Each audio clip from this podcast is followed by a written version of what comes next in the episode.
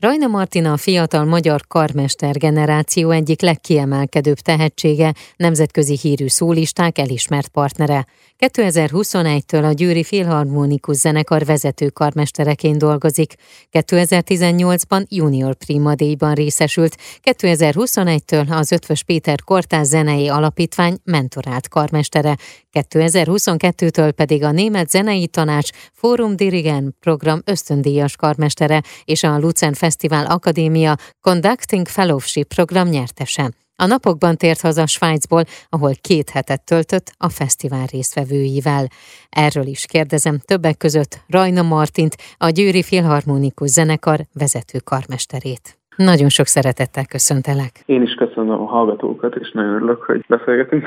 Veled mostanában nagyon-nagyon sok minden történik, és arra gondoltunk, hogy a Papagino klasszik hallgatóinak beszámolunk arról, hogy éppen hol jártál, mit csináltál ott, és esetleg milyen eredménnyel tértél haza. Mi az, ami most történt veled? Honnan jöttél haza? Ami a legaktuálisabb, éppen pár hete fejeződött be a Lucerni Fesztivál, világ egyik legjelentősebb nyári zenei fesztiválja. Fesztivál fesztivál keretén belül minden évben rendeznek egy úgynevezett akadémiát, ahol több száz jelentkező közül kortárzenével is foglalkozó fiatal karmestereket keresnek, akik két hetet ott töltenek Luzernben. Egyrészt részt vesznek egy karmesterkurzuson, másrészt pedig szintén több száz jelentkezőből kiválasztott nyolc fiatal zeneszerző műveit bemutatják. Ezen vettem én most részt, erre hívtak meg, ami Igen. nagy örömöt jelentett, és ez volt augusztus végétől szeptember elejéig tartott. Az a nyertesség azt jelenti, hogy nyertes, hogy, hogy ezt az ember elnyeri ezt az ösztöndíjat. Tehát, hogy oda mehet, mert hogy mondták nekem, hogy most 220 jelentkező közül választottak négyünket. Volt egy francia lány, egy görög fiú, egy korai fiú, aki Németországból jött, és én.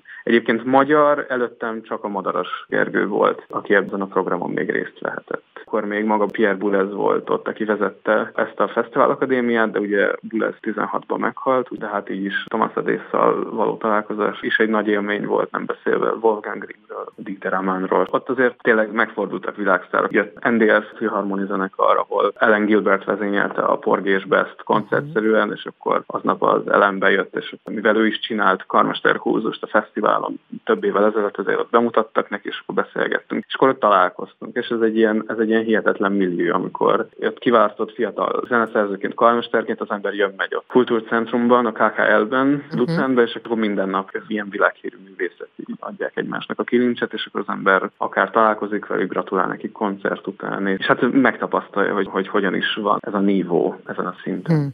Mi történt itt? Az első héten egy karmesterkurzuson vettünk részt. A professzor itt most maga Thomas Adész, világhírű brit zeneszerző volt. A magyar közönség most találkozhatott vele tavasszal, amikor a Bécsi Filharmonikusokkal turnézott, és a műpában vezényelte a saját darabjait is, és más műveket is, és vele dolgoztunk egy héten keresztül Lutoszlavski harmadik szimfóniáján, Stravinsky Agon című balettjén, és Per Nogar Dream Play című darabján. Uh-huh. És ezt a három művet tanultuk vele. Ez történt az első héten. Másik héten meg nyolc fiatal zeneszerzővel dolgoztunk együtt, és négy kiválasztott karmesterre nyolc zeneszerző jutott, tehát az úgynevezett Composer Seminar végén mindenki bemutatott két művet, a Ensemble Modern Frankfurt uh-huh. akadémistáival. Az Ensemble Modern az egy világhírű kortárzenei együttes, és ennek az együttesnek van egy úgynevezett akadémiája, ahol kortárzenével foglalkozó fiatal zenészeket akadémia jelleggel, tehát ahogy a zenekaroknál hasonló hasonló módon foglalkoznak velük. Ott Frankfurtban az akadémistákat hívta meg a Lucerne Fesztivál, hogy közösen fiatal zeneszerzőkkel és a fiatal karmesterekkel dolgozzanak együtt. Melyik volt az a két mű? Igen, én Zenyan Li és Aregna Martiosian műveit mutattam be. Az első, egy, akit említettem, egy kínai fiatal hölgy, aki egy remek darabot írt. Hashigakari a címe, ez egy japán nószínházhoz kapcsolódó 10 perces kompozíció, és a másik pedig egy örmény születésű fiatal hölgy, aki a Lucerni főiskolán talán tanult zeneszerzés Dieter Ammannál. Másik héten pedig a, a szemináriumon, amikor együtt dolgoztunk az Ensemble Modern Akadémistáival, akkor Jonathan Stockhammer kísérte a fiatal karmesterek útját, és hát mindemellett pedig Dieter Ammann a fantasztikus svájci zeneszerző, és hát Wolfgang Grimm maga a német kortárs zenei életnek a kurtágja. Nem csak, hogy értsék igen, az igen. nagyságát.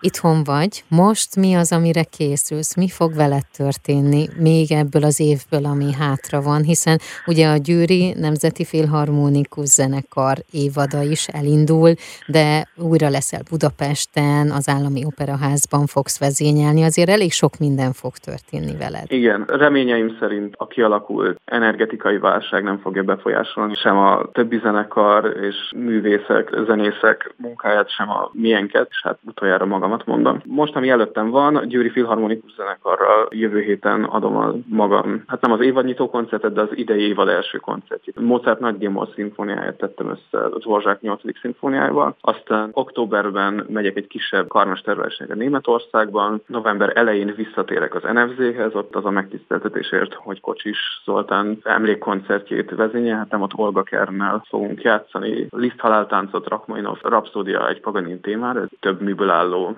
sűrű program. Szent István filharmonikusokkal lesz egy koncert a Műpában még novemberben, és aztán Győri Filharmonikus Zenekar decemberben Ránki Dezsővel, Schumann zongoraverseny és Brahms lesz még a terítéken, és hát a mi nagy dolog az életemben, hogy decemberben debütálok az Andrási úti operaházban. Életemben először odállhatok az Andrási úti palotában a zenekar járokban, ami egy nagy dolog, és hát a Denevért fogom csinálni a híres szünetár rendezést, és ezt nagyon-nagyon várom. Ez és a Győri Filharmonikusok idei évadáról picit összefoglalva, hogy ti hogy készültök? A Győri Filharmonikus Zenekar ebben az évben azt a szlogent adta magának, hogy közvetlenül. Ez arról szól elsősorban, ez azt próbál jelenteni, hogy egyrészt például a marketinges megjelenésünkben abszolút a zenekari zenészeink jelennek meg kommunikációban, szeretnénk közelebb hozni muzsikusainkat uh-huh. is a közönséghez, és saját magunkat is. Az egész koncepció mögött az alapvető gondolat az az, hogy ebben a nehéz időszakban, ami most mindannyian élünk, próbálunk közönségünkkel egymással összekapaszkodni, és amennyire csak lehet megtartani egymást. Mind a közönséggel, mind a zenekari zenészekkel, meg a vendégművészeinkkel. Nagyon szépen köszönöm, és kívánom, hogy mindegyik koncert és hangverseny telt ház előtt zajlódhasson, és hogy rengeteg olyan művet dirigálhass,